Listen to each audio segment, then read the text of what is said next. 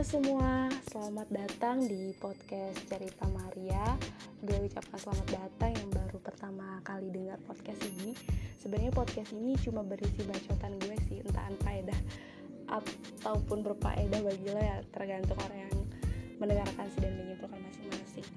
Jadi di kala gabut ini gue mau cerita sedikit nih tentang patah hati. Siapa sih yang gak pernah patah hati di dunia di dunia ini? Setiap orang tuh pasti pernah patah hati kan ya? Baik di usia belasan maupun udah dewasa. Jadi biasalah namanya fase hidup tuh nggak terus manis kan. Pasti ada sakitnya juga ya. Salah satunya kita diuji dengan sakit hati sebenarnya. Jadi untuk usia remaja fase patah hati itu udah biasa udah umum.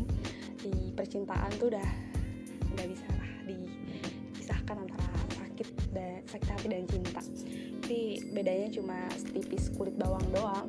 Lo kalau udah siap jatuh cinta lo udah siap patah hati dong. Itu kan kata-kata yang sering banget kita dengar. Jadi gue mau membahas tentang titik terendah patah hati. Jadi gue mau cerita bahwa sebenarnya gue sama dengan orang pada umumnya pernah patah hati pernah kehilangan orang yang dicintai. Tapi dari kita kehilangan seseorang yang kita cintai sebenarnya di situ Tuhan sedang menguji kita dengan sebuah arti keikhlasan. Jadi Tuhan menguji kita nih sebenarnya bisa nggak sih melewati ujian keikhlasan? Makanya kita dipatahkan itu positif thinking gue doang sih. Dan ketika gue patah hati ya pastinya nangis juga lah. Nangis berhari-hari berminggu-minggu terus kayak ngerasa hidup tuh nggak adil mempertanyakan keadilan kepada Tuhan di mana Tuhan kenapa membuat manusia bisa seperti ini sakitnya. Ya lebay banget sih. Cuman mungkin itu yang gue rasakan sih ketika gue patah hati. Karena gue merasa tidak ada keadilan ketika gue patah hati. Kok Tuhan bisa kayak gini sih sama gue? Nah terus gue coba tenangin diri gue berminggu-minggu. Gue healing ya entahlah gue bego banget atau apa gue healing ya kabur gitu loh kabur sendiri. Gue kabur nggak ya?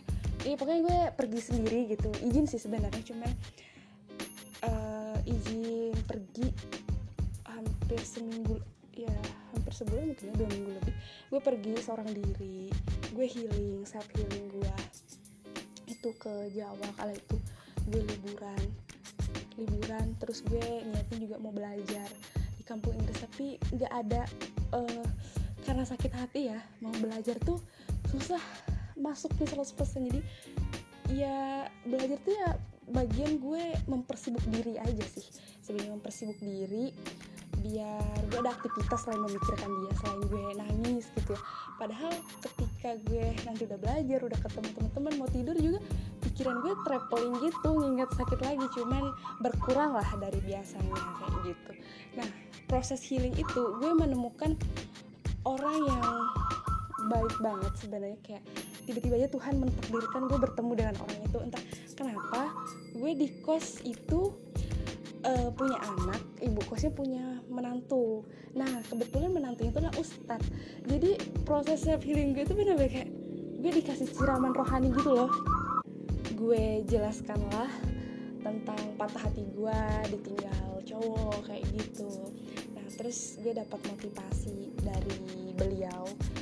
Dia cuma bilang gini dek kamu kalau jatuh cinta kamu jangan menggenggam. Ibarat pisau kalau kamu jatuh cinta tuh pisaunya cukup kamu letakkan aja. Kalau kamu genggam yang sakit siapa kamu pasti berdarah kan? Kamu pasti terluka. Jadi kalau kamu jatuh cinta tuh udah letakkan aja. Kita nggak tahu Tuhan tuh maha membolak balikan hati. Bisa aja dia hari ini cinta sama kamu tapi bisa jadi cintanya tuh hilang. Jadi kamu jangan menggenggam letakkan aja. Di situ gue tersadar sih iya ya. Segala sesuatu tuh milik Tuhan. Bisa aja Tuhan mengambilnya kapan dia mau. Ya saat dia pergi ya berarti Tuhan sudah membolakkan hatinya kayak gitu. Itu gue belajar keikhlasan. Lalu sepulang dari itu gue merenung lagi gue mulai mensyukuri ketika uh, laki-laki uh, tersebut sudah tidak memiliki hubungan dengan gue. Gue jadi kayak banyak bersyukur artinya apa?